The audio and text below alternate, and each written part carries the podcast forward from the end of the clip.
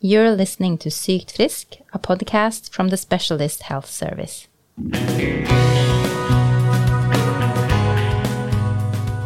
When we're sick and need treatment from the healthcare services, it's normal to be scared or unsure, and it can be difficult to understand everything.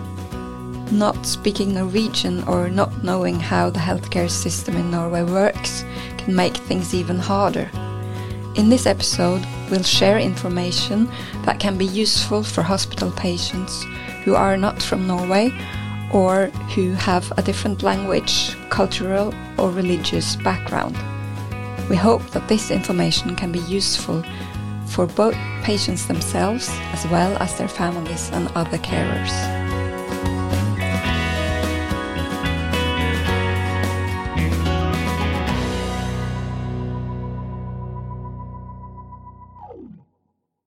My name is Lisian Cheng, and I work with diversity and health equity at the Oslo University Hospital. This means that I work to raise awareness and build competence at the hospital about how we can provide good healthcare services to all of our patients, regardless of background. We have a very diverse and multicultural patient group, and it's important that our services are accessible to everyone. My name is Azra Feraget, and I'm a nurse at an organization called Helseforum for Kvinner, uh, in English, Health Forum for Women. We are a non-profit organization for women and girls of all ages. We are also a very multicultural organization. Our participants have backgrounds from all over the world.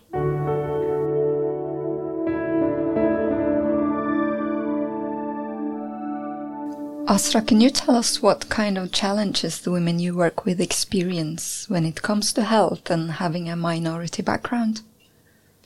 One woman said something that I will always remember. She said, Language is my biggest illness. That really affected me, both as a nurse and also as a fellow human being. I see on a daily basis how not being able to speak the majority language can make one feel powerless and desperate, it can make you feel like you don't have full control over your own life. Lisian, you work a lot with interpreting services at the hospital, and interpreters are so important if one doesn't speak Norwegian. Who has the right to an interpreter? Everyone has the right to receive information about their health, illness, and treatment in a language they understand. This means that everyone has the right to an interpreter if they need one in order to communicate with healthcare workers.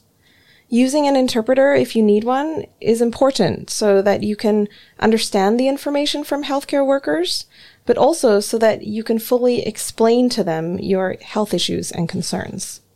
What if you speak a bit of Norwegian? Can you still ask for an interpreter? Yeah, that's a really important question. Um, it's important to know that you can use an interpreter even if you speak and understand basic Norwegian. And that's because the Norwegian that's used at the hospital and about health and illness, it can be really complicated. And if you're sick and stressed on top of this, it can be difficult to understand everything. So if you find that you have problems following what's being said or have difficulties explaining your health problems, you have the right to an interpreter, even if you otherwise speak Norwegian in your everyday life. It's our responsibility as healthcare workers to arrange for an interpreter for you if you need one. But if you find yourself in a situation where you have not received an interpreter, or if there wasn't one booked for your appointment and you need one, let the healthcare workers know as soon as possible so they can arrange for one. It's also free for you to use an interpreter. You don't have to pay for this. The hospital pays for it. Um, and I'd like to add that sometimes it's necessary to say things in your own language. One of our women told me about her experience going to a psychologist a few years ago. She said, uh, even though I can speak Norwegian, I couldn't explain what was inside of me. Yeah, that's such a good example. But what about family, Lisian, family members or friends who speak Norwegian? Can they interpret for patients or be asked to interpret for them? So it's really important that family and friends are not used to interpret. We want your family and friends to be able to support you instead of having to stress with interpreting at the same time. Also, by law, healthcare workers in Norway have to use professional interpreters, also called qualified interpreters. This ensures that both you and the healthcare workers helping you receive precise and correct information. Because qualified interpreters, not only do they speak Norwegian and another language at a very high level, they've also done professional training or education within interpreting. It's also good to know that interpreters translate strictly what you and your healthcare worker say to one another. Nothing more and nothing less. An interpreter is actually not allowed to say anything else than what is said. Um, they're not allowed to change something that is said or give their own opinions. That means you can trust that a professional interpreter is a neutral part um, who is giving you correct information from the healthcare workers. Interpreters also have strict confidentiality, uh, which means that they are not allowed to share information about you uh, or what's being discussed with anyone else. Um, they should also not have any relation to you or your case. So it's really safe to use an interpreter.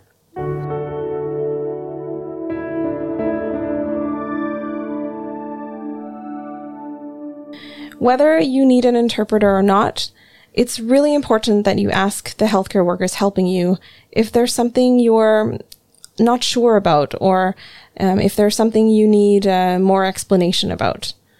Again, the language that's used in healthcare can be difficult to understand, especially if you're not that familiar with the healthcare system. And we see that patients often need things repeated. This goes for all patients, no matter what background they have.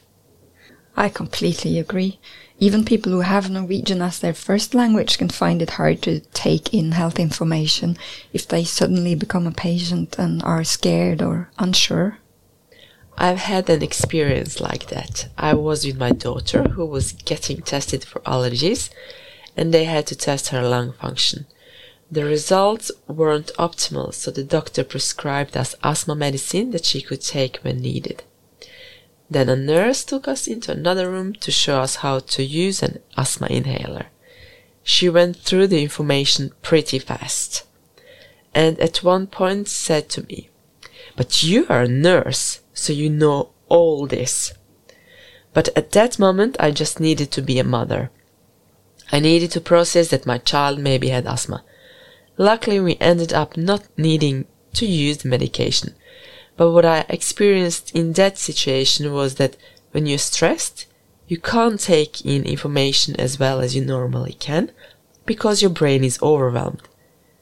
That's why it's so important that healthcare workers adjust their communication and work to see the needs of their patients.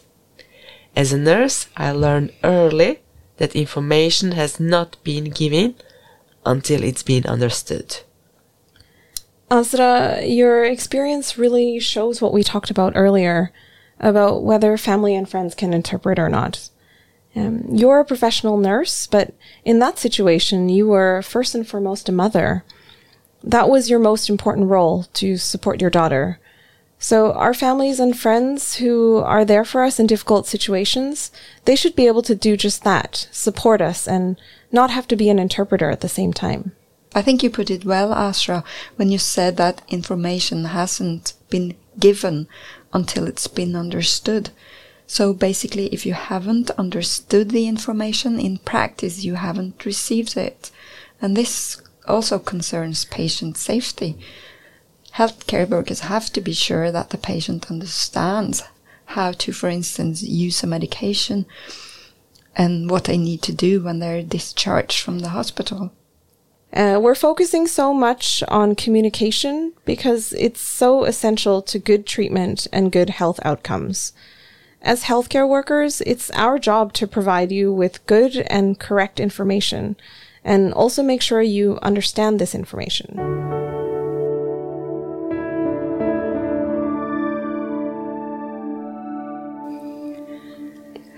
Lisian, Patient participation, or as we say in Norwegian, medvirkning, is something we talk quite a lot about at the hospital. Could you explain to us what that means? Yeah. Um, patient participation is a really important principle in the Norwegian healthcare system. Patient participation means that you have the right to be involved in making decisions about your treatment and care, and that you decide together with healthcare workers what the best treatment plan for you is. So basically, it's not just the doctor who decides.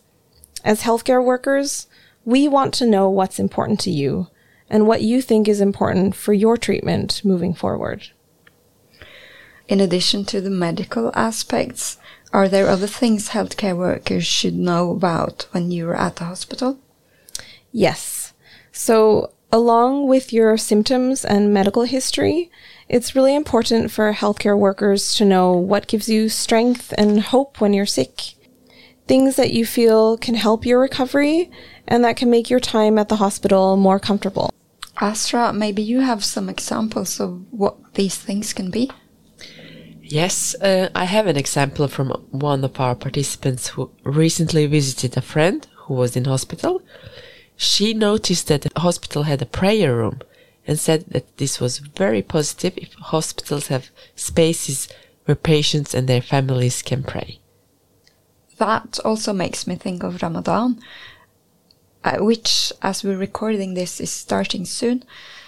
Is this also something that's okay to talk to healthcare workers about if you're in hospital? Absolutely. So both of the examples you guys have brought up um, about prayer rooms and Ramadan show that religion or a life stance can be important to some patients. And if it's important to you, then we as healthcare workers want to help you be able to practice your religion or life stance while you're undergoing treatment. So let's take the example of fasting. Um, if this is important to you, but you're also on medication, your doctor can help you figure out whether it's safe for you to fast or if there are any adjustments you can make to be able to do this in a safe way. The same thing goes for specific food or dietary needs. Let us know if you have any. In general, hospitals tend to have many different meal options. At the Oslo University Hospital, where I work, for example, you can order meals that are kosher, halal, vegetarian, and so on. What if you need to talk to someone, for example, someone from your religious or life stance community? Great that you brought that up. Um, because yes, being at a hospital can be really stressful. Um, maybe you or someone you love has received a serious diagnosis. Um, hospitals have different resources and people you can talk to about your worries and your situation. Or if you have spiritual or existential concerns related to your illness or condition. So most hospitals have pastors be- belonging to the Church of Norway who work at the hospital and who are available for all patients and their families, regardless of background. Some hospitals also have representatives from other religious or life stance communities that they can contact for you. Um, people we call samtalepartnere in Norwegian. So ask the staff at the hospital if you'd like to talk to one of them. That's really great. More people need to know about this. None of our participants knew before that hospitals had samtalepartnere or people they could talk to from their religious or life stance community. Yes, information is also important here. Healthcare workers should inform patients and their families about such services, but sometimes this doesn't always happen in a hectic workday at the hospital. So we at the hospital need to be better at this. Um, and at the same time, it's great if you also ask about spiritual care services if this is something that's important to you. So then it's important that we say this again. If you're in hospital and you need to talk to someone about your faith or your fears or concerns, ask to speak to a samtalepartner, a person from your religious or life stance community. Maybe this can be helpful for you. Yes, and I'd also like to add that there are other types of resources and people at the hospital who you can also talk to, such as social workers or psychologists. Ah, it was good that you mentioned social workers. We have another episode that talks about what social workers at the hospital can help you with. This episode is called Få orden, Get Things in Order. Note that this episode is in Norwegian.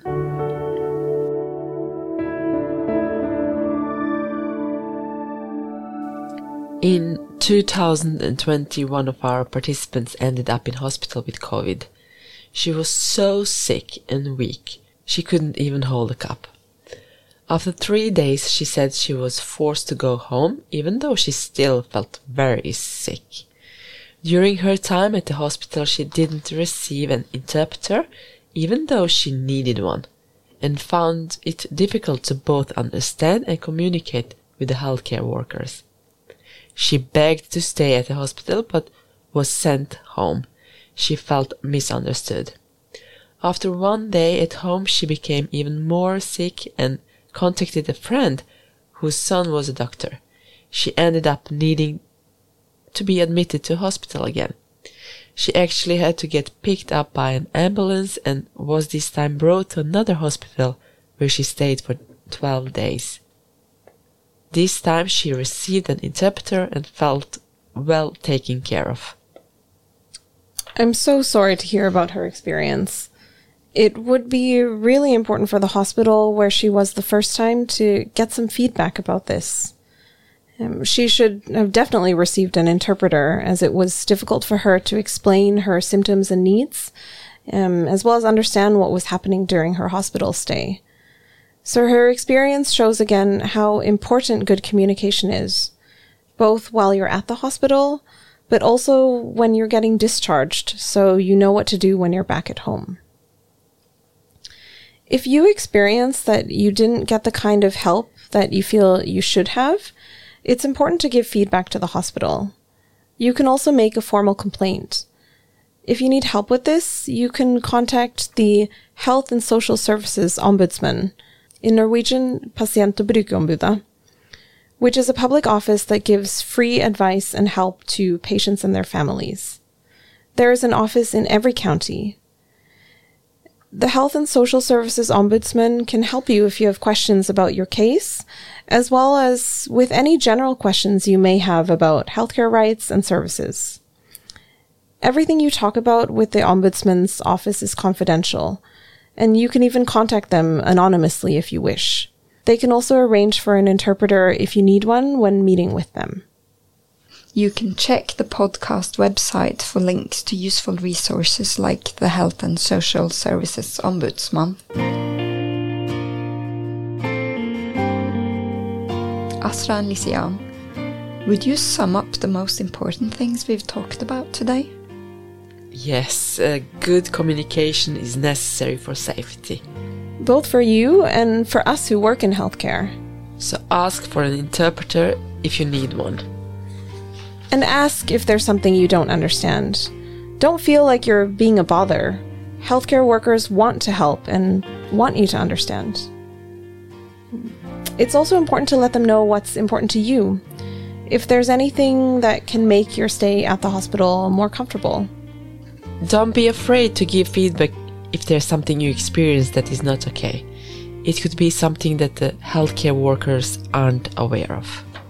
We need your feedback in order to improve. You've been listening to Lysian Cheng, Special Advisor at the Oslo University Hospital, and Asra Farajet, Nurse at Helseforum for Kvinner, in conversation with Linda Schade Andersen. You can find more information about diversity and health equity, as well as many useful links at sykfrisk.no.